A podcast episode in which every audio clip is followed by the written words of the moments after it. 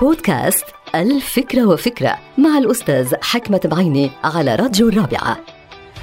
يقولون إذا كان المتكلم مجنونا فالمستمع عاقل أي أنه على المتكلم أن ينتبه إلى ما يقول ولا يستخف بعقول الناس ولا يعتبر أنه كلامه المجنون حيكون له أثر طيب على كل الناس لأنه معظم الناس بيمتلكوا العقول الواعية وما بينجروا وراء الجنون أي جنون المتكلم.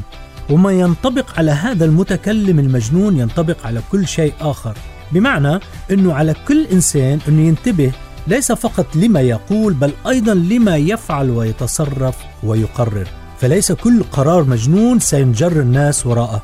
وليس كل موقف مجنون سيكون له العديد من الحلفاء والأصدقاء. فلا تتطرف لا في أفكارك ولا بمواقفك ولا بقراراتك لأن معظم الناس عندهم القدرة على التحليل والتدقيق ومعرفة الحق من الباطل.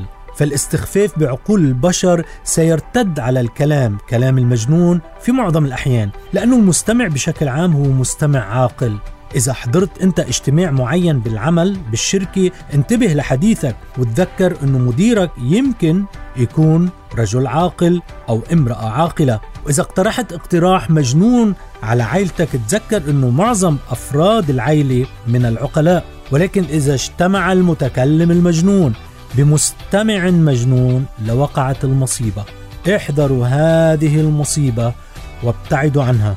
انتهت الفكرة. هذه الحلقة مقتبسة من كتاب الفكرة وفكرة.